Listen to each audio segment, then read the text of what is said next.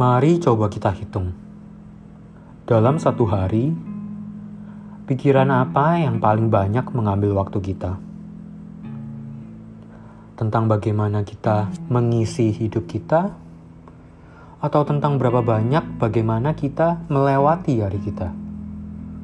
Tentang apa yang mau kita jadikan dalam hidup kita, atau tentang berapa banyak hal yang harus kita penuhi? tentang bertumbuh, tentang menjadi dewasa adalah selalu tentang perubahan.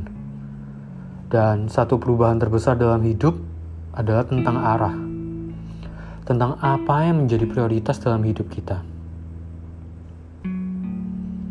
Ada sebuah kalimat dalam bahasa Inggris berkata, As I grew up, dreams got smaller and goals got bigger.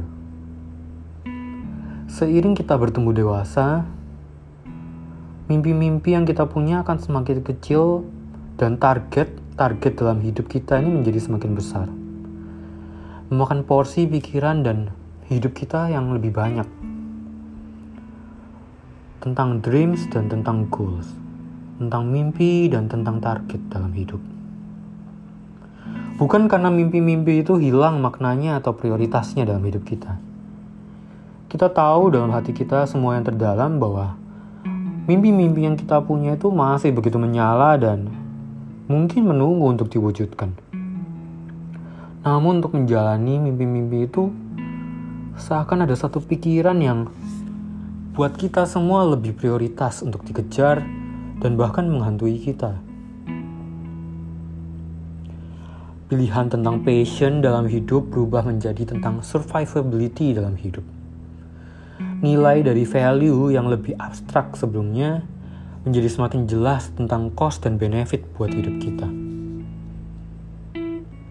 Iya, seiring kita dewasa, kita belajar untuk memiliki tanggung jawab untuk punya rasa cemas. Cemas dalam mengambil keputusan dan menjadi lebih perhitungan untuk dampak yang ditimbulkannya dalam hidup. Tidak salah untuk menjadi cemas tidak salah juga untuk belajar tentang apa itu prioritas. Ya, karena itu semua memang bagian untuk menjadi dewasa. Tapi perlu diingat, tidak salah juga untuk tetap bermimpi. Goal dan dream memang bukanlah suatu hal yang sama, tapi bukan juga tidak mungkin untuk keduanya. Kedua elemen ini bisa saling mengisi. Goal yang kita punya bisa membuat kita bertahan, mengisi hidup kita dengan cukup dan baik, dream atau mimpi yang kita punya bisa membantu kita melihat jauh ke depan untuk mencapai hal-hal baru. Kita mungkin di sini perlu belajar bahwa jangan membiarkan rasa cemas yang kita punya ini memakan hidup kita sehingga kita hanya terjebak untuk cukup, terjebak untuk hanya pada mengisi target yang kita punya. Dan terlebih lagi, jangan sampai berhenti untuk berkembang karena kita lupa cara untuk bermimpi. Di mana pun posisi hidup kita saat ini, mari kita mencoba untuk mengisi hidup kita secara lebih utuh. Hidup lebih seimbang.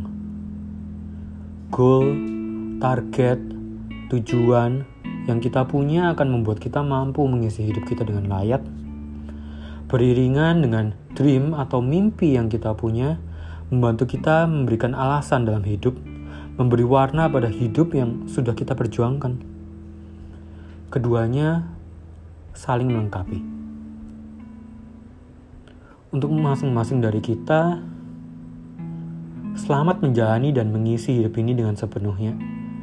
Ya, kita berjuang untuk target yang sudah kita pasang dan tetap melangkah untuk mewujudkan mimpi-mimpi yang kita punya.